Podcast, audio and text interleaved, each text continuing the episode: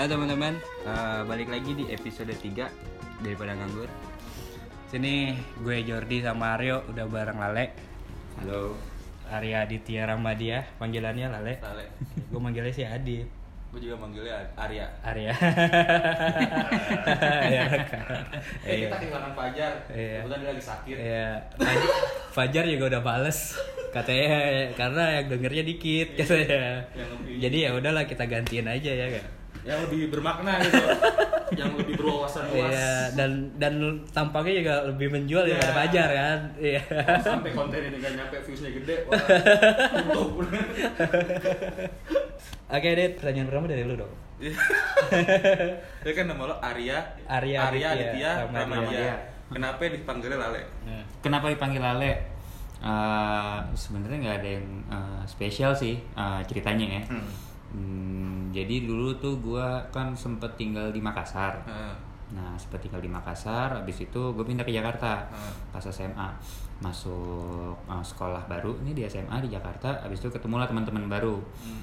Nah teman-teman baru ini pada nanya, "Eh, Makassar gimana nih? Eh, seru gak sih tinggal di sana gitu ya? Pokoknya basa-basi lah. Habis itu sampai ada yang nanya, akhirnya nanya eh, bahasa-bahasa Makassar tuh apa aja sih? Oh. Habis itu gue sebutin tuh satu-satu tuh, salah satunya Lale. Hmm. Nah semenjak itu tiba-tiba jadi pada manggil gue Lale. Artinya Lale sendiri apa? Artinya padahal eh, nggak bagus-bagus amat, genit arti. Wow. Iya iya iya iya. Gitu. Jadi di situ aja. Dari situ, jadi semenjak itu mulailah dipanggil Lale. Oh. Oh, terus yang lo yang lo posting di Instastory Lale Manino itu apa? Lali Ilmanino. Oh, Lale Ilmanino. Oh, itu Nah, yang produce iya, ya. iya. Itu nanti kita bahas. Itu tar, tar, tar. Jadi yang gua tahu kan sebenarnya nih karena gua kan sama Lale ini sepupuan, walau nggak mirip, udah. Ngangkat. Gua gua tahu. Di semua. Kalau nggak mirip, ya tahu lah udah. Udah jangan di komen lah itu udah.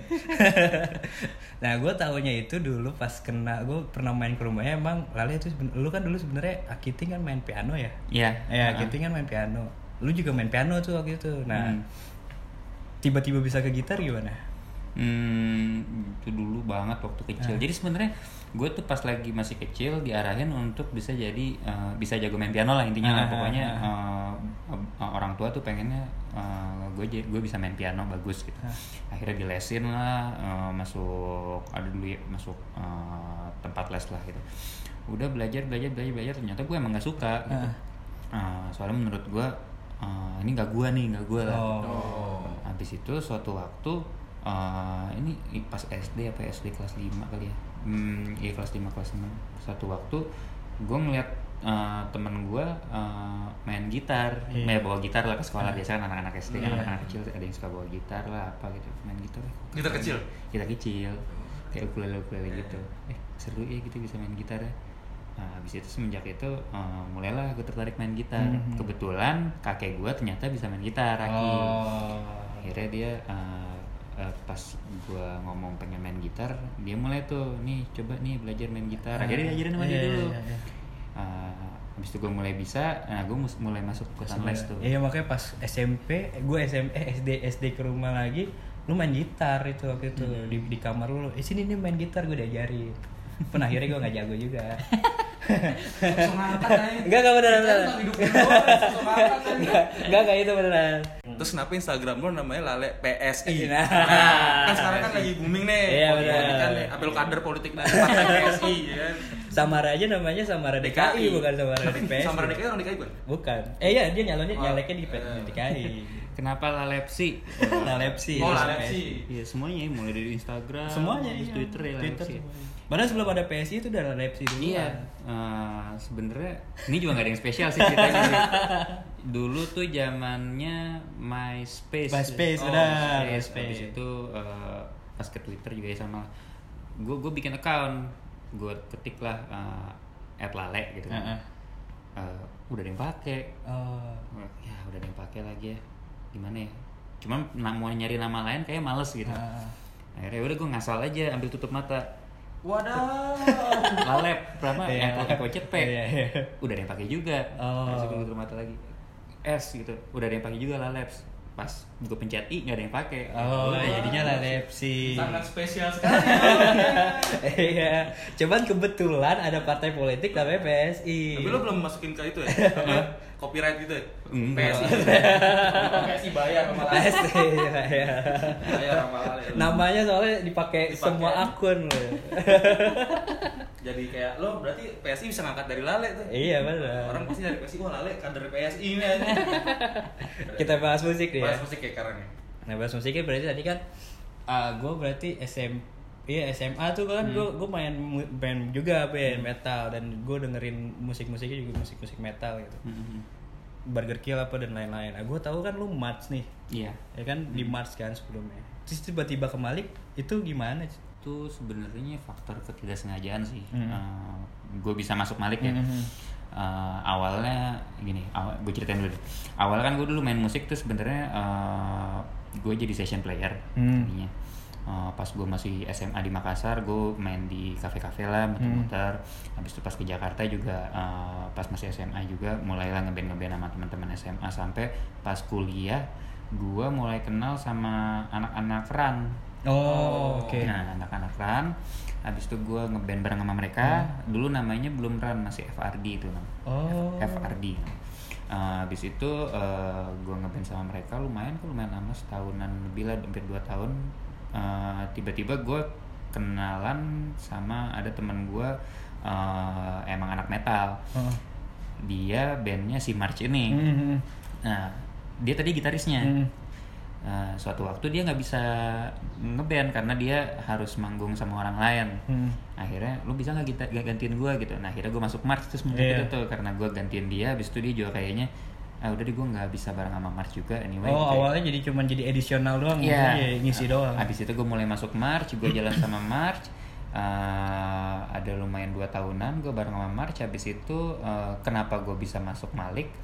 Itu eh, karena ini juga nggak sengaja nih gue ketemu sama teman lama gue yang eh, nggak lain dia adalah drummernya 21st Night dulu. Oke. Hmm. Drummernya 21st Night.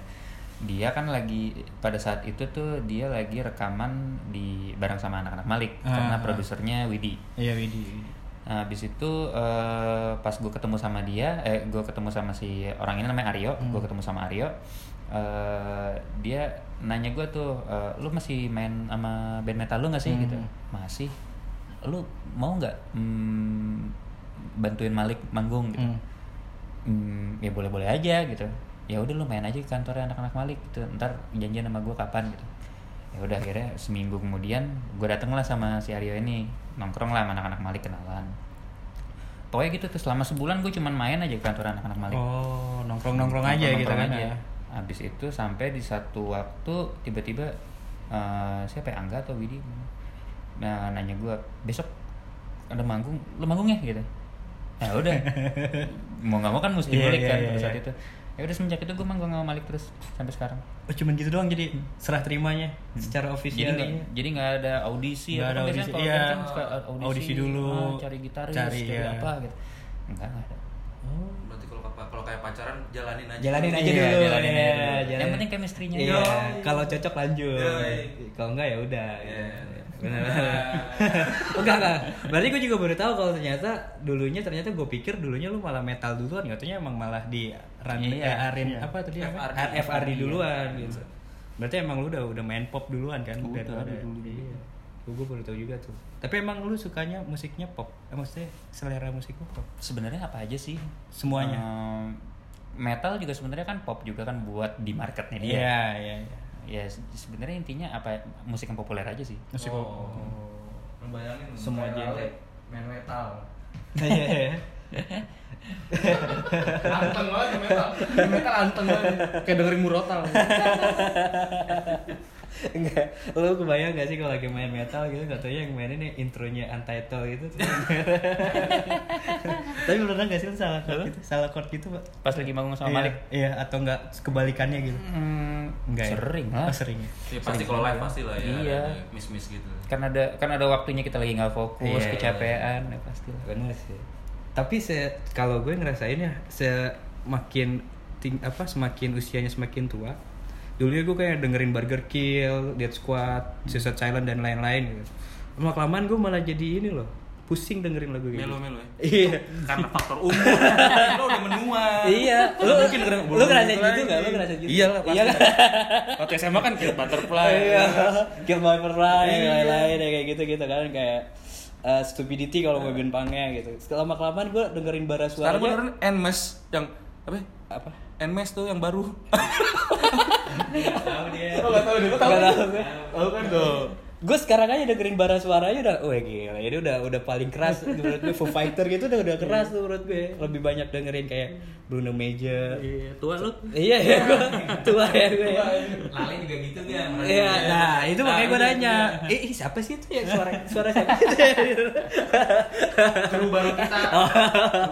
Iya. nah gue pengen nanya, lu merasa gitu gak sih kayak semakin nambah makin ke balik makin musrala musiknya makin slow gitu? Enggak sih, gue Enggak. gue masih Masih dengerin dengerin? masih dengerin Lamb of God gitu, gue masih dengerin. dengerin. Nah, cuman cuman eh, eh, kalau gue kan kebutuhannya kan kuping tuh buat kerja kan pasti kan. Eh, tiap hari gue pasti di studio dengerin musik gitu. Ah. Eh, mungkin le- bukannya gue jadi udah nggak suka atau kayak capek dengerin musik keras, tapi gue lebih ngurangin Iya, karena ngurangin, gue gue lebih mikirin biar kuping gue nggak terlalu capek aja sih, Mhm. lebih sih begitu aja. Cuman gue masih suka dengerin. Hmm. Ya gue juga kadang sih sesekali udah dengerin Burger Kill, tapi kayak udah udah gila kalau setiap hari kalau dulu kan setiap hari tuh pakai headset gitu. Sekarang sekarang lo dengerin musik karena kebutuhan kerja ya. Sekarang jatuhnya kalau dengerin musik sebenarnya nggak ada nggak ada alasan karena gue lagi ngerjain band punk gue mesti dengerin musik punk Enggak sih, enggak, enggak, enggak gitu sih. Nggak gitu? Mm, tetap aja dengerin musik sih sebebas-bebasnya. Ya, kayak kenapa gue seneng dengerin radio? Soalnya uh, Random aja ya? Random. Kalau misalnya Spotify kan gue udah bikin playlistnya misalnya. Iya, iya. Benar-benar. Gitu. Eh playlist Il- Lale Ilmanino juga ada di Spotify tuh. Karena gue juga lebih suka denger radio sih dibanding denger lagu. Karena kalau radio kayak ada orang suka surprise sendiri. Iya, Wah surprise. ini lagu gue suka nih gitu. Hmm, oh gitu. Kalau ini lagu lagi gue banget nih. Asik gitu. kalau lagi galau ya. Kalau lagi kalau mau udah bikin playlist sendiri. Tiduran di kamar matiin lampu. Udah pasti itu. Iya iya iya. iya. Iya sih. Tapi gitu ya anehnya apa eh, semakin tambah umur dan gua rasa sih ada beberapa temen gue yang relate gitu juga makanya eh, gua rasa sih semua orang sih semua orang gak sih? Enggak lah. Enggak ya. Oh, rata-rata mungkin. Iya mungkin rata-rata kebanyakan gitu. Kan tadi Ale bilang enggak Iya, sih. iya. Kalau lo sendiri eh, kan kalau lihat dari lo main ma- di Malik nih, gaya lo kan kayak santai gitu. Pas lo main metal, gaya lo kayak gimana? Cara sama aja sama, Sama aja. aja Eh, dulu pas gue masih baru baru awal-awal masuk Malik gue masih masih headbang banget. Hmm. setiap ada musik eh, pas lagi bawain lagu Malik yang agak kenceng dikit gue pasti masih headbang gitu. Sekarang gue kenapa udah nggak banyak goyang karena faktor berat badan udah naik Oh, faktor umur juga. faktor umur juga udah kecapean kadang-kadang ya udah gitu Headbang pusing ada tuh. Enggak headbang pusing. Berarti lo masuk kali berapa tahun berapa sih? 2000 2008 awal awal 8 awal. Berarti sekarang udah 11 tahun. Wih. 11 tahun Eh, 11 tahun, iya ya? 11 tahun Kalau Lale Ilmanino Manina tuh udah tahun kelima, mau masuk tahun kelima kalau nggak salah. tahun kelima. Udah lama juga ya. Lumayan. Lo total udah berapa lagu tuh? Kalau Lale Manino, Ah. Lale Manino mungkin sekarang udah 80-an kali ya, 80-an lebih ya. Hampir 100 lah ya. Hampir 100. Ya ini menuju 100. ya, Menuju 100. Gila banyak banget artis tuh kan. Termasuk Ami sama M Mama ya. Oh, Penghargaannya. iya, iya. ya. Nah. Nah, kalau misalnya lu bikin lagu nih, Hmm. lu ada ada Eh, ada dulu aku mau nanya? Lale Ilman ini terbentuknya karena apa? Ah, itu. Nah, ceritanya. Lale Manino eh, kebentuk itu lima tahun lalu berarti tahun berapa tuh ya? 2014 ya. 2014 ya, 14. 14 itu tuh kita eh, awalnya kalau gua kan sama Nino kan yang udah kenal karena Mhm. gua diran dulu. Iya. Eh, Ilman sama Nino tuh belum deket-deket banget tuh, Mhm. cuman kayak di kalau manggung bareng su- suka ketemu. Iya, iya. Nah kita tuh kenapa bisa hong untuk jalan bareng tuh karena waktu itu tuh di tahun 2014 tuh ada event di Bali. Di Bali itu ulang tahunnya Mas Yofi. Oh ya, Vividianto. Nah, jadi Mas Yofi tuh bikin ulang tahunnya dia apa eh, jadi dirayain banyak yang datang musisi-musisi abis itu ada yang manggung juga salah satunya Malik juga ikutan manggung. Nah, ada ada ada Ran juga datang ke sana gitu ada Nino. Nah, kita eh, jadi banyak ngobrol tuh pada saat eh, acara itu Mhm. karena emang hotelnya sama, tempat tempat acaranya juga sama Iya. di situ juga. Jadi banyak waktu bebas untuk ngobrol sama Nino. Akhirnya kita ngobrol bertiga ngobrol-ngobrol si Nino eh, sampai muncul eh, obrolan di mana gue kayaknya pengen bikin pengen produce-produce orang deh kata Nino.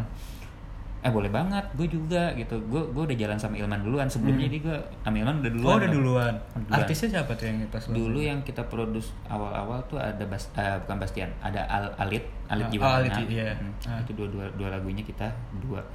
Nah habis itu em, karena obrolan itu akhirnya yaudah kita bikin bertiga aja gue nggak bisa bikin lirik gitu. Ah. maksudnya gue nggak bisa Oh, bikin lirik iya, iya. juga eh, ada keterbatasan gitu lah ah. cuman kalau bikin musik oke lah gitu Ah. nah Nino jago banget bikin liriknya gitu ya udah kita saling ngisi udah tahu paham oh ya lu berarti fungsinya itu gue fungsinya ini ya udah semenjak itu kita coba jadi bagi jalan tugasnya bareng. ra- rata Hmm. ya jalan bareng dan klien pertama kita pada saat itu adalah em, Bastian Bastian. Eh, Bastian iya Jejer, Bastian. jejer. Jejer. Oh, siapa sih itu seharusnya? Dulunya masih belum Udah jadi kru masih belum. oke oke oke. Sampai akhirnya yang terakhir Lala ya? Eh terakhir siapa sih yang publish? Terakhir, Lala ya? Lala Huta terakhir. Lala Huta ya? Baru oh. Lala Huta yang kemarin Iya, ya baru yang terakhir ya. Lagu yang ketiga berarti ya? Dia single ketiga. Single ketiga ya benar. Single ketiga. Lu ada kiat-kiat khusus gak sih kalau misalnya bikin lagu itu atau ritual-ritual atau apa gitu? Hmm, enggak sih. Sebenarnya eh, kalau ini ini kalau misalnya kliennya baru pertama kali kenal ya baru ketemu. Hmm, pasti bakal banyak ngobrol dulu tuh gue tuh. Pada saat Oh. ketemu ketemu pertama kali sama kayak PDKT aja punya ngobrol dulu. Masih ngobrol, cari chemistry-nya. Ah, ta- pada saat ngobrol itu kan kita jadi tahu oh ya ini orang maunya apa sama musiknya, habis itu ini orang maunya apa sama eh, produk yang bakal dia keluarin terbarunya nanti itu apaan. Eh, setelah itu ya kita jadi bisa uh, mulai merangkai uh, si produknya itu si lagunya itu gitu Hmm. gitu aja sih Ya, Yang pasti tahu dulu karakter artisnya, dia pengennya kayak gimana terus lu buat simple. gitu. Simple. Sih so simple banget. Kayak ngerti. Iya, kata juga lah ya. Sama Enggak sih. maksudnya nggak ada ritual khusus kayak kiat apa maksudnya kayak Semedi. semedi. Ya. Biasanya orang WC. Iya. Eh, Nyari jari, gitu. Ini orang so serius bukan? Krunya Iya, so serius bukan? Terus mau nanya apa lagi? Mengenai Lale Ilmanino. Lale Ilmanino. Eh, bingung. Gue jadi dongo. Enggak loh. Gue balik lagi nih ke Malik. Iya, balik, oke. Sebenarnya lu eh, ini kan lo ibaratnya masuknya kan setelah Malik terbentuk kan. Iya. Tapi lo tau gak sih sejarah kayak Malik di Essential tuh namanya dari mana? oh iya pasti tahu lah maksudnya itu kan uh, pada saat uh, baru masuk kan ya uh, ngobrol-ngobrol jadi tahu gitu Ah.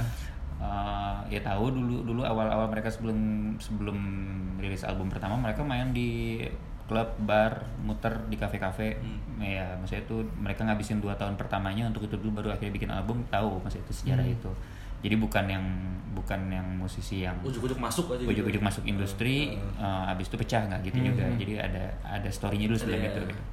Hmm, ya gitu sih maksudnya tuh tahu kan hal itu gitu. Jadi itu, itu sebenarnya yang, yang yang jadi pedoman gue sampai saat ini kalau misalnya gue produce artis baru pasti itu yang gue tekenin. Lu hmm, manggung gimana?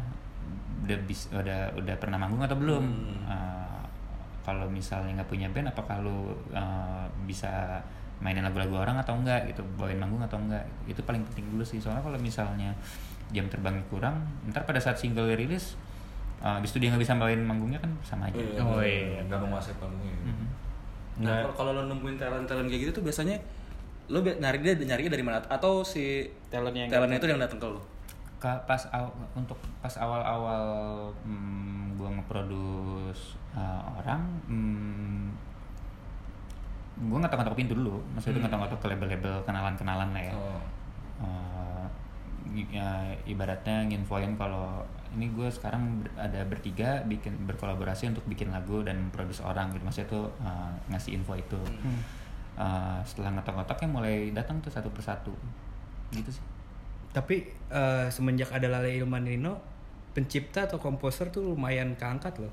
Maksudnya tadinya kan kalau lu bawa kalau misalnya lu tahu lagu orang nih, ya udah tahu artisnya aja. Iya. Iya, nggak tanpa ada ya penciptanya atau komposernya. Terus semenjak Lale Ilmanino naik, gue juga apa agak keangkat juga para pencipta lagu kan Ya, soalnya itu penting sih menurut Iya, gua. penting. Soalnya eh, yang bisa bikin orang kan kayak ini kan sama aja kayak kayak kerja apa pun itu ya maksudnya Iya. semua pekerjaan sama lah ya. Eh, intinya kalau misalnya ada yang appreciate pasti kita akan semangat untuk Iya benar. Itu ada sih yang paling penting sih. Ada yang menghargai, ada yang apresiasi itu kan termasuk orang-orang yang di balik layar, Iya, iya. yang nggak pernah tampil itu kan. Itu juga kan perlu juga. Tapi kalau menurut lo industri musik sekarang gimana sih? Industri musik sekarang lokal eh, mm, makin seru sih karena makin genre Beragam musik ya? kan beragam Berwarna, banget Makin sekarang. beragam ya benar. Habis itu eh, platformnya udah banyak banget sekarang. Iya benar. nggak harus nggak harus masuk label gede dulu atau label indie lah minimal untuk bisa bikin rilisan gitu. Ah. Lu bisa bisa rekaman langsung masukin Spotify atau kalau misalnya nggak mau masukin Spotify langsung masukin YouTube juga. YouTube dulu ya benar. Itu udah jadi udah bisa dinikmatin banyak orang gitu. ya. Jadi minimal orang bisa tahu ini oh ini ada band ini ya lagunya ini ya eh aku suka nih ya maksudnya Iya, udah, bisa iya, kayak benar, gitu. benar, benar. nggak nggak nggak sering nggak sekonvensional zaman dulu gitu Iya. Uh, jadi sebenarnya dengan banyaknya platform dan sistem yang uh, udah tersedia sekarang, ya industrinya jadi makin jalan sih sekarang menurut gua ya. Iya sih benar. Gue juga merasa gitu sih. Maksudnya kayak lu distribusi kalau dulu kan lu misalnya dulu produksi indie, distribusinya kan bingung. Kalau sekarang kan ya udah distribusi gue masukin aja YouTube, Spotify sendiri apa segala macam gitu. Ini nggak pusing. Tapi kan nggak jualan fisik. Eh ya, fisik Nah, wala- iya, itu walaupun ya walaupun fisik susah tapi fisik gimana sih sekarang? Fisik sekarang uh, kayaknya sih udah sepakat semua musisi, eh maksudnya semua musisi gitu ya kayaknya udah mindsetnya fisik tuh adalah sebagai merchandise jatuhnya. Oh, bukan bukan bukan penjualan utama lagi. ya iya, berarti? karena sebenarnya penjualan utamanya adalah live performance-nya sebenarnya sekarang. off air-nya benar, manggungnya. Nah gini, uh, kalau mungkin dulu laku 100 juta kopi. Iya itu kan Iya. jadi kebanggaan plat, multi platinum apa Iya, segala macam ya. Kebanggaan habis itu emang berasa ada duitnya di situ hmm. misalnya. Tapi sekarang kan fisik udah nggak ada. Hmm. Berarti kan harus putar otak gimana caranya nggak tergantung sama itu juga gitu. Hmm. Bukan itu itu bukan salah satu pun di duit yang emang ah, Jadi major ya, gitu. ya, jadi yang pertama gitu. Jadi paling utama sekarang balik lagi kayak zaman dulu live performance-nya. Oh. Jadi mm, ya mau nggak mau mesti banyak manggung. iya Oh, iya. berarti sekarang lo udah ngejualnya kayak gue manggung manggung dong manggung gitu. Iya. Iya. Jadi kalau misalnya kayak ya, dua dua tiga tahun terakhir kalau kita rilis album, kita bawa tuh CD banyak. Habis itu eh, Bikin ada merchandise di gigs itu. booth. Oh. Hmm, ya gitu sih konvensional banget sih sekarang. Iya. Ya, ya rata-rata sih kayak gitu. Fisik sama digital lebih menguntungkan mana? Fisik sama digital lebih menguntungkan mana? Hmm, kalau dulu hmm, fisik hmm, pasti berasa banget. Ya. Iya. Karena banyak toko CD masih jalan. Sekarang toko CD-nya udah hilang. toko CD udah nggak ada. KFC. eh, ya tempat ayam lah. Jual, di pom bensin jual CD. Masa sih gue baru tahu. Ari Lasso jualan di pom bensin. Serius? Ya. Langsung di depan pom bensin CD sendiri. Oke oke Ya, terus. tapi digital sekarang seiring eh, sistemnya makin sistemnya itu dalam arti kata rights-nya ya maksudnya Ah. itu eh, eh, share eh, kan ada share-nya kan masing-masing Ah. ya ada ada ada hitungannya semakin ke sini semakin benar eh, Oh. perhitungannya dan pembagiannya pun juga jadi semakin eh, terdata lah Iya iya iya. Jadi yang tadinya mungkin CD, CD eh, fisik segini digital masih segini Iya. sekarang fisik udah turun ya pelan-pelan digital, Digital juga mulai naik. mulai naik juga mulai Dan berasa lah iya iya iya. Hmm. Dan rights-nya maksudnya kayak royaltinya pun kebagiannya bener ya? Pembagiannya, Pembagiannya bener? sebenarnya udah benar, Udah benar. cuman kadang eh, informasi itu tuh nggak semua nggak semua orang dapat musisi itu nggak nggak semua nggak tershare Oh, itu ada semua. permasalahan Hmm, yang iya. di RUU juga. gitu Oke oke. Iya sih gue kemarin juga ngobrol sama Kang Dwiki ya. Hmm. Pas adalah wawancara nyalek gitu. Iya, kar- dia kan eh, memperjuangkan sebenarnya ada sebenarnya ada masih yang kurang termasuk yang kurang itu kan performing rights-nya ya. ya Performing rights nah dia pengen nikatin di situ, tapi kalau dari segi royalti, pendapatan digital dan lain-lain sih udah bagus. Itu udah lumayan lah nggak kayak dulu. Makanya itu juga yang salah satu bikin lu menguntungkan dari Lale Limanino. kan? ya Ada ada ada ada ini. Ada itu juga ya maksudnya itu eh, karena kan eh, kayak Lali Manino sebenarnya udah jelas publishingnya Hmm. publisher siapa gitu maksudnya itu gue emang kerja sama sama salah satu publisher Hmm. eh, eksklusif lah di dia Eh, dan gue tahu dia juga eh, lumayan detail mengenai eh, eh, royalti gitu Hmm. Eh, jadi udah mulai terdata dengan baik dan kita bisa monitor itu dengan eh, Oh, terbuka banget oke, oke, oke. Yang penting sih transparansinya Oh, itu kan. Iya, kalau transparan kan enak. Iya. Apa lah? Lu nanya lagi ya? Enggak udah. Enggak udah. Gua jadi bego kan. Malah jadi pinter. Terlalu serius belum bisa bahasan. popularitas Nah. popularitas ngomongin soal popularitas Apa popularitas Ya, apa? kan sekarang kan eh, udah terkenal nih. Ale banyak fansnya kan apalagi cewek-cewek Iya, iya, itu iya, iya. berpengaruh apa ke kehidupan sehari-hari Asik. Ada yang berubah nggak dari lo dulu sama sekarang saat lu Eh dulu itu, lu kalau nggak Lale itu cover boy lo. Apa kabar Bang? Maksudnya model. Iya. Model majalah. Iya, Iya. ya. Ada gadis apa? ada Iya itu ya. apa, iya. gadis? Gak tahu eh aneka ya. Eh, iya ya pokoknya itu Kawanku lah. kali, kawanku. Eh, itu. Google, Google. Bobo bobo. Bobo. Iya iya, itu itu ya. ya. Iya dulu cover boy asli. Ih, gue baru Parah ini. Terlalu serius lah. Ya. Gue jadi, ih, gue bercanda gue jadi takut. Terlalu serius. Iya dulu tuh cover boy. Jadi tapi gimana sih? Enggak sama aja. Eh, pas eh, perbedaan ini ya tadi popularitas ya Ah. pas baru masuk Malik sama sebelum masuk Malik hmm, kalau di gue sih mungkin kayak sama aja ya Ah. cuman mungkin orang yang ngeliat gue jadi beda mungkin ya Iya, Jadi iya, beda iya. gitu. cuman di gue sih nggak ada yang berubah sih Eh, ya gue berteman sama teman-teman lama gue eh, sama teman baru juga nggak nutup gitu jadi maksudnya itu sama aja di gue sih Iya sih. tapi eh, dengan yang banyak minta foto gitu kan mungkin Hmm. banyak nih cuman dari sisi pribadi lo sebenarnya terganggu apa enggak? Iya. Hmm, enggak yang kayak Afgan juga sih. Kalau misalnya Afgan mungkin lepas di di Pondok Indah Mall eh, ditutup tuh semua, ya. Pondok Indah Mall ramai jadi. Pondok Indah kayak gitu juga sih. Jadi maksudnya masih aman di gua gitu. Kalau mungkin kalau misalnya kayak Ariel Noah gitu jalan-jalan di Carrefour sih kelar sih itu. Aku lagi dijahin. Tapi kan kalau kalau misalkan Malik manggung nih, rata-rata kan kayak cewek-cewek manggilnya lale lale gitu kan rata-rata. Nah itu pas selesai manggung tuh pada nyamperin lo nggak sih? ada sih beberapa lah eh, yang mau minta foto misalnya Hmm. gitu ada. Rata-rata lebih ga- ganas-ganas ya? Hmm, enggak sih, enggak terlalu ganas sih.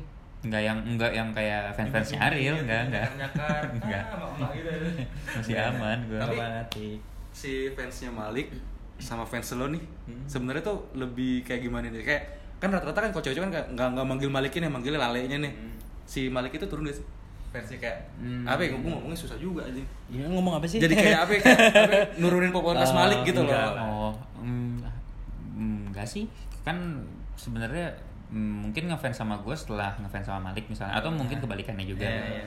Cuma kan sebenarnya dua-duanya kan eh, untuk ke- kepentingan dua-duanya juga gitu. Hmm. Ya maksudnya tuh fans Malik nambah, fans gue nya juga nambah gitu. Jadi eh, saling eh, hubungan yang eh, saling Simbiosis mutualisme. Iya. Iya? Iya, iya, benar. Iya. Berarti Malik ngejualnya lale. Parah banget gue. Kebiasaan kebiasaan. Sekarang ada Ilman yang saingan Oh dia. iya. Iya. Lebih muda Ilman, Lebih lebih muda. Daun muda, daun muda. gitu. Tapi kalau kalau musik nih, eh, berarti kan kalau Malik kan lu juga bikin lagu bareng-bareng juga kan? Mm-mm. Eh, formula lu bikin musik sama Malik sama Lali Limanino beda gak? Hmm, beda. Beda. Bedanya di? Kalau jadi gini nih, kalau Malik tuh kalau misalnya mau uh, produksi uh, eh, materi baru Ah. gitu ya, kita tuh emang udah nentuin satu orang sebagai uh, music director ya. Oh. Kalau Malik oke, tuh gitu, oke. music directornya tuh Widi. Mhm.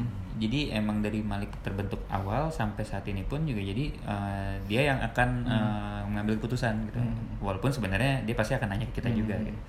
Nah, cuman dia yang akan gini aja ya gitu. Hmm. Itu somehow uh, bukannya jadi membatasi kreativitas gua atau yang lainnya, Hmm. tapi justru jadi enak. Oh. Jadi Iya. ada jadi ada apa ya? Jadi Ada batasan Jadi juga. ya? keputusan dari satu orang. Iya. berarti Iya, gitu. gitu. Nggak semuanya yang ngomong. itu dia. Soal kalau misalnya semua yang ngomong hmm, bingung Nggak- juga. nggak ya. ketemu temu Nggak ketemu temu. Nah. Kalau Lale Manino kurang Stop, lebih stop. Kenapa? 30 menit. 30 Ya udah play lagi kan? Play lagi. Ayo terus. Udah. Kalau lele. Udah. Kalau Lale Manino eh, kurang lebih eh, mungkin agak mirip, tapi kar- karena kita udah tahu fungsi masing-masing, Hmm. jadi kita nggak bakal ngelompatin eh, koridor masing-masing. Ya. Misalnya Nino bikin Lirik. lirik, Iya. habis itu bikin lagu juga misalnya. uh, gua mungkin akan fokus bikin uh, nyelesain hal-hal yang ber- berbau detail Oke. Uh, gua akan beresin detail-detailnya Uh, Ilman biasanya akan bikin uh, bagan awal, Oh. chord awal, dia akan dia Draftnya, dia akan draftnya uh, gitu sih jadi maksudnya tuh uh, masing-masing udah tahu fungsinya hmm, Dan sam- sesuai porsinya Iya, masing-masing. porsi masing-masing somehow itu uh, efektif banget. Efektif juga. efektif banget sih kayak gitu Gak kayak kita bertiga, Bet. Apa? Semuanya jadi satu kepala ya. Kepalanya sama semua masing-masing ngomong. Ide ini ngomong semuanya bertiga. Jadi kalau kita ke podcast ini bercanda. nggak ada yang berguna ya. Iya, Cuma kan? ini doang Ini di serius nih. Ini kayaknya doang. podcast paling serius dan paling Dari- berisi. berapa episode? Tiga, ya keempat ini. Lima. Yang Iya, kita di shoot- yang- tiga, tiga, tiga. Tiga pilot project itu Oh, ada iya. tiga. Dari- Dari tiga episode cuma ini doang. yang beri Cuma ini doang. akhirnya Akhirnya akhirnya tapi ya eh setuju gak sih kalau selera musik itu nentuin pola pikir sama pe- eh, karakter lah? Karena gini gue pernah ngedit ngedit ini ngedit film. Editornya itu nyeleksi gue cuma ditanya gini doang jur selera musik lo atau band favorit lo siapa? Gue bilang waktu itu band Indonesia efek rumah kaca. Gitu. oh yaudah besok ngedit. Kata gue kenapa ya? Terus gue tanya ternyata ada ternyata selera musik itu eh, pola pikir atau apa eh, karakter orang atau mungkin lebih ke tes kali ya kalau Iya, ngedit ya tes. tes terus bener gak sih kayak gitu Hmm, gue nggak pernah baca risetnya, Ah. cuman kalau dipikir-pikir sih iyalah kayaknya. Soalnya apa yang lu denger, eh, lu tuh adalah apa, apa yang lu denger gitu. Iya, iya, Oh, iya. Maksudnya tuh mungkin lu dengerin ini nggak cuma musik aja ya, Hmm. cuman apa pun itu yang lu denger dari lu kecil itu akan akan bi- Membentuk. akan membentuk eh, lu sekarang Iya, gitu iya, karena iya, lu yang sekarang itu nge-recall apa yang lu Iya, denger dulu. gitu. Nah, jadi musik pun juga begitu gitu maksudnya tuh eh, dulu lu seneng musik metal habis itu sekarang kayak gua misalnya gua nge-produce eh, musisi-musisi yang pop gitu Hah. cuman gue pasti akan nge-recall eh, musik yang udah gue denger dulu misalnya gue dulu suka metal kayaknya ada riff yang enak nih gitarnya nih ah gue masukin deh gue selipin situ Emang itu itu ngebentuk ngebentuk apa Oh, buat referensi kita saat ini. ya. Oke buat iya buat referensi sama ini juga sih. Pola pikir juga kali ya, Pola pikir pikir, ya, pola Hmm. pikir juga ya benar. Oke, ada yang mau ditanya lagi gak yuk? Gue mungkin masuk ke Instagram. segmen dua terakhir nih. Ya maksudnya yang terakhir. Kalau lu lebih enak eh, jadi produser atau jadi player? Hmm, jadi produser Produser Hmm. dibanding jadi player. Iya. Kenapa? Kenapa? Eh, mungkin karena gue udah udah udah jadi orang di atas panggung duluan gitu ya. Hmm. Sekarang baru mulai di belakang layar gitu. Cuman eh, somehow eh, jadi produser tuh eh, tantangannya lebih gede dibandingin jadi performer di atas panggung. Oh iya. Karena iya, gini. benar. challenge-nya lebih ini Ya karena eh, pastinya kita akan berhubungan dengan banyak orang. Begitupun juga performer juga pasti akan berhubungan dengan Hmm. event, IO, itu macam-macam banyak lah ya penonton. Cuman eh, itu akan beres pada saat itu, misalnya pada Hmm. saat eventnya berakhir. Cuman kalau misal gue jadi produser, pada saat gue ngeproduce orang dan abis itu karya itu jadi suatu karya yang dinikmatin banyak orang dan orang suka, ya itu pasti akan berimpact bagus buat si artisnya. Habis itu Oh. akan akan berjalan panjang untuk Iya, iya, berikutnya. iya. Begitupun sebaliknya kalau misalnya karyanya kurang bagus, yang gue bikin gitu yang gue bikin untuk artisnya itu akan menyelesaikan karirnya pada saat itu misalnya Benar, benar, benar, benar, iya benar. itu tantangannya lebih besar gitu dan Iya. lebih seru menurut gue Iya, suatu pencapaian untuk artisnya juga kayak lu bikin bisa ngangkat atau gimana Iya, gitu iya. atau sebaliknya. Oke. eh, kita ke pertanyaan Instagram deh. Karena gue juga tahu Lale Ilmanino tuh dari BCL sih, single eh, yang orang ketiga. Yang itu. memilih dia. Eh iya memilih dia orang, Orang ketiga. ketiga. kan Hai, memilih dia. ada ya. emang itu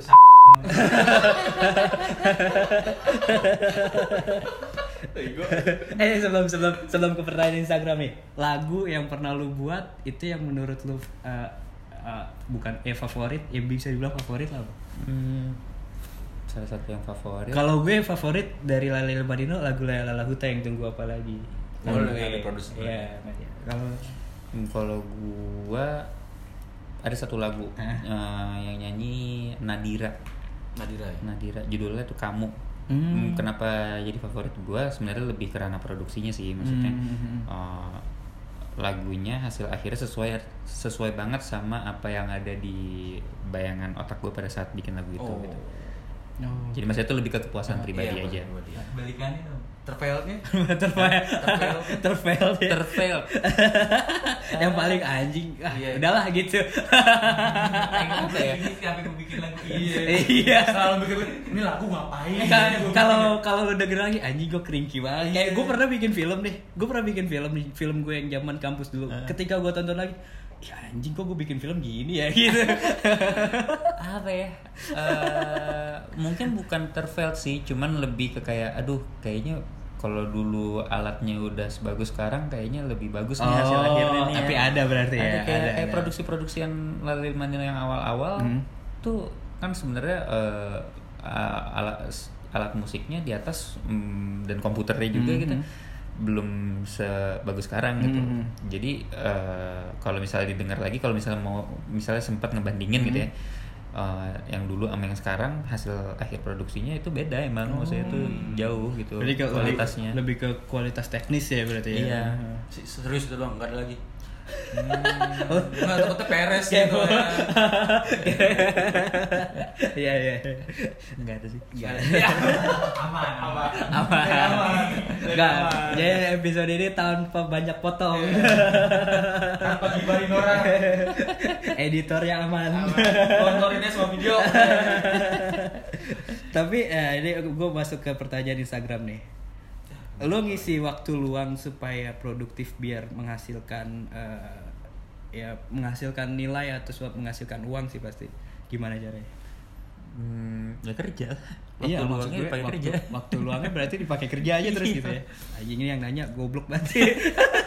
Kerja kerja kerja. Eh, kalau waktu Kan luang dipakai tidur kalau waktu luang dipakai tidur nih iya, pasti gak, gak bener ya gak, ih goblok juga kenapa gue bilang. ngatain dia gua lu juga goblok gua.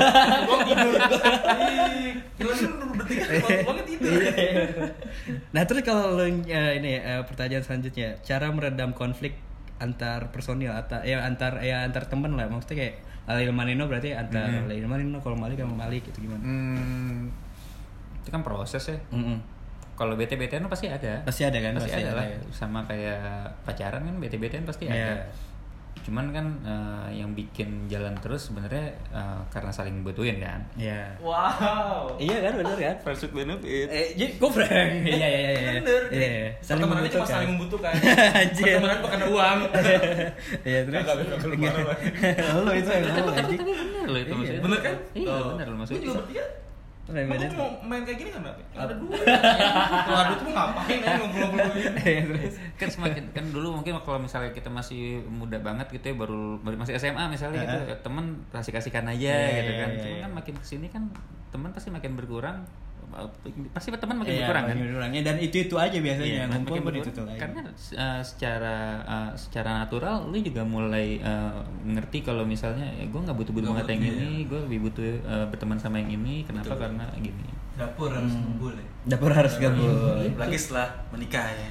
Itu dia Tapi diobrol pasti kan eh, solusinya diobrolin kan atau atau Di- selesai gitu aja. ada yang selesai gitu aja ada yang diobrolin Iya sih macam-macam sih ya tergantung Macem-macem. tergantung Tergantung tingkat masalahnya. tingkat Iya. masalah ya benar. Sering berantem sama di Malik sama Lali Ilmanil sering berantem tuh sering Sebel-sebelan nih. berbeda pendapat sering berantem sama siapa? Hmm, kalau di Lale Manino, gue mungkin agak lumayan sering ad- adu ide sama Ilman misalnya. Soalnya gue Hmm. ranahnya sama, gue Oh, musik iya, banget, dia Il- Ilman juga musik banget. Eh, itu gue sama Ilman. Kalau misalnya Malik ya mungkin langsung sama Widi gitu, karena kan Widi musik director. Music director. Tapi gue punya ide nih Oke. gitu. Eh, kayaknya ide gue harusnya working gitu, cuman menurut Widi kayaknya enggak deh gitu ya itu juga sebenarnya pinter-pinter Widi untuk bisa eh, apa ya eh, ngadepin gua misalnya pada saat itu gitu ya cuman eh, sampai sekarang sih eh, berjalan dengan baik jadi nggak ada masalah gitu Oke. Pertanyaan selanjutnya, eh, lumayan nih bagus nih. Makna survive dalam meniti karir menurut lu gimana? makna survive Dalam meniti karir. dalam meniti karir hmm, ah, ini ya mungkin oh, apa? Eh, makna survive dalam meniti karir ya pada saat eh, gagal ya coba lagi aja terus. Gitu. Coba terus, coba, coba terus. sampai akhirnya lu eh, paham banget masalahnya di mana gitu. Kalau misalnya gagal terus. Oh, oke. Berarti jangan takut gagal. Iya, Iya. kemarin kita omongin. klise sih klise. Klise. cuman maksudnya itu sih. Pertanyaan Instagram sih itu doang sih tiga aja lah. Yang lainnya nitip salam dong kak. Iya. Tapi eh, apa ya? Jadi di finansialnya di bermusik tuh lumayan sih? Kan kalau dulu kan Hmm. stigmanya kan ngapain lu jadi Oh, jangan band? ja- jangan iya. jangan nikah sama anak band nggak mau jadi Iya, gitu ya Ngapain lu duitnya? sekarang eh, sekarang kan semakin ya makin ke sini gitu eh, ada sekolah musik yang emang bener-bener eh, diakui gitu kan kayak ada sekarang ada SAE ada apa ya Iya, iya, jadi, Jadi Indie dan lain-lain. eh, pekerjaan sebagai musisi sebenarnya udah mulai eh, diperhitungkan untuk jadi pekerjaan yang normal gitu Hmm. Eh, karena kan jadi musisi kan nggak harus jadi eh, performer kan Hmm. lu bisa jadi ya songwriter, produser, bisa jadi sound engineer, Iya. bisa jadi misalnya show director cuman event gitu, musik gitu, bisa macam-macam gitu. Dan itu semuanya mm, pekerjaan yang emang sekarang event nggak berhenti berhenti gitu dalam setahun lu hitung coba bisa ngitung nggak event di iya, Jakarta iya, ada berapa banyak banget itu Eh, belum belum yang skala kecil-kecil yang maksudnya kayak di kafe-kafenya doang Iya. gitu. iya gigs-gigs gitu sih apalagi festival-festival besar Gitu. Jadi sebenarnya tuh pe- eh, peluang untuk mendapatkan untuk bisa kerja di bidang musik mau jadi apa pun itu sebenarnya jadi semakin banyak Iya. sekarang. Hmm. dan saingannya juga semakin banyak Makin banyak. makin banyak dan itu lu makanya mesti berani beda ya Tapi sama aja kayak pilot, saingannya banyak juga pilot. Iya masa pilot terbangin beda enggak juga sih ya Ya sih, ya, pokoknya gimana caranya lu bisa bersaing ya gitu kan. Gue gue gue udah gue udah skip nih. Gua- Iya, gua- gua udah- karena saingannya banyak, cara si Malik atau Lale Madina tetap eksis tuh gimana?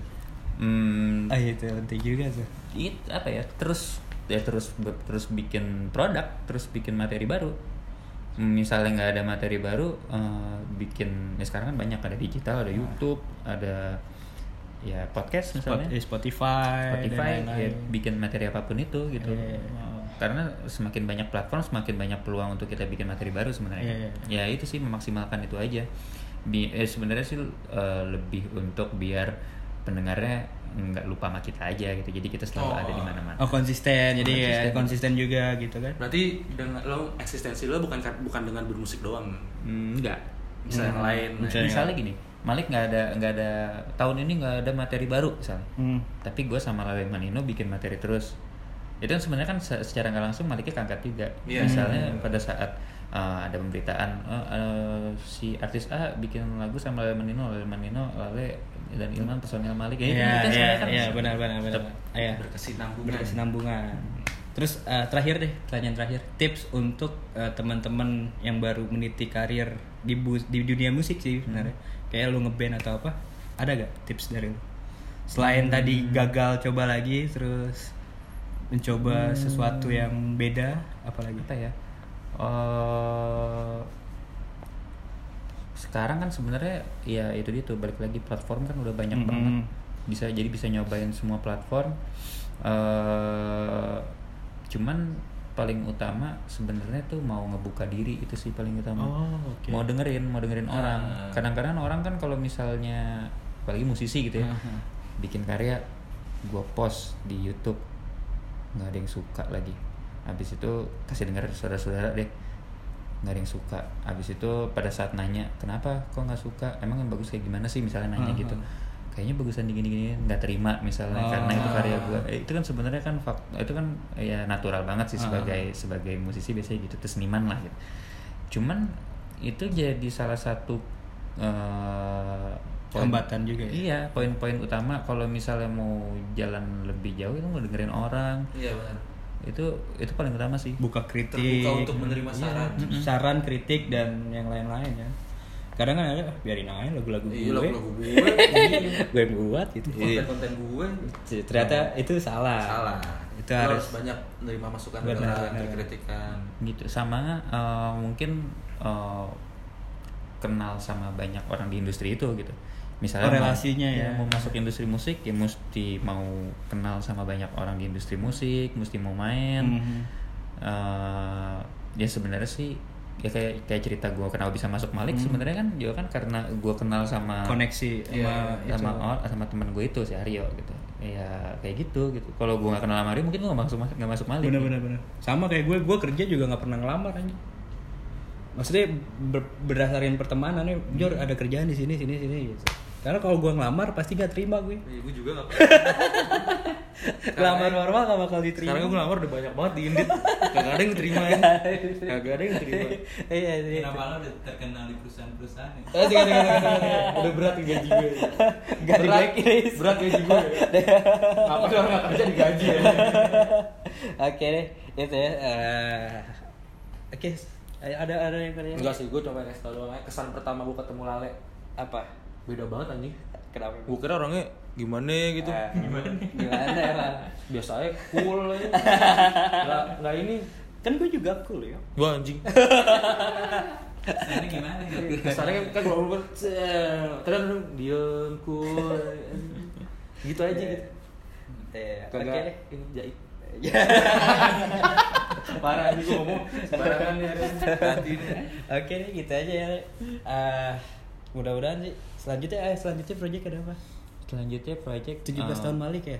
Terus apa lagi? ini tahun ini kan 17 Eh, tahun Malik mungkin kita akan bikin konser Heeh. tapi masih masih digodok Heeh. itu untuk Maliknya hmm, abis itu kalau untuk Lali Manino ya ini menuju lagu ke 100 ya pastinya sampai akhir tahun banyak rilisan dari Lali Manino Wow, itu keren tuh. Gue ditunggu tuh Eh karya-karya. 17 balik di mana bang? itu masih belum tahu nih masih nyari-nyari masih tempat nyari konsepnya masih dibawa. Udah jatuhnya udah hitsmaker soalnya Iya, sekarang. iya, asik, asik, asik. Gelarnya hitsmaker, Lale Ilmanino. Iya. Tapi enggak sih, terakhir PRJ Terakhir- Bel, ah, terakhir ya. Kemarin. PRJ terakhir Manggung. manggung kemarin Meranoia tuh di Istora Istora ya, Istora. Itu rame banget tuh. Usus usus usus So, so Wah, tahu kru krunya so tahu. Tapi di PRJ kemarin manggung kan? apa tuh Di PRJ manggung kan? di PRJ manggung juga Ya, soalnya PRJ sekarang nggak asik-asik? Oh, ya, oke skip. Oke, teman-teman. Udah gitu aja podcastnya. Mudah-mudahan eh, ini serius ya, termasuk yang serius Iya. ya. Terima kasih dong udah dipinjemin. Oh iya, terima kasih terima tempat. kasih. Apa? Ini sehidup sekopi. Bukan, ya. dan Organik dulu. Organik ya. Organik. Dan Lale Se- juga waktunya Iya. tetap dengerin podcast kita. Sampai jumpa di episode Terima kasih selanjutnya. buat Nico Express mengantarkan kita sampai sini. Ya, terus follow sosial media kita, eh, Twitter daripada nganggur underscore underscore ID. Terus eh, email juga kalau ada cerita-cerita atau salam-salam atau dan apa pun lah itulah. Udah capek gue ngomonginnya ya. Ya, dah teman-teman. Dah. Dah.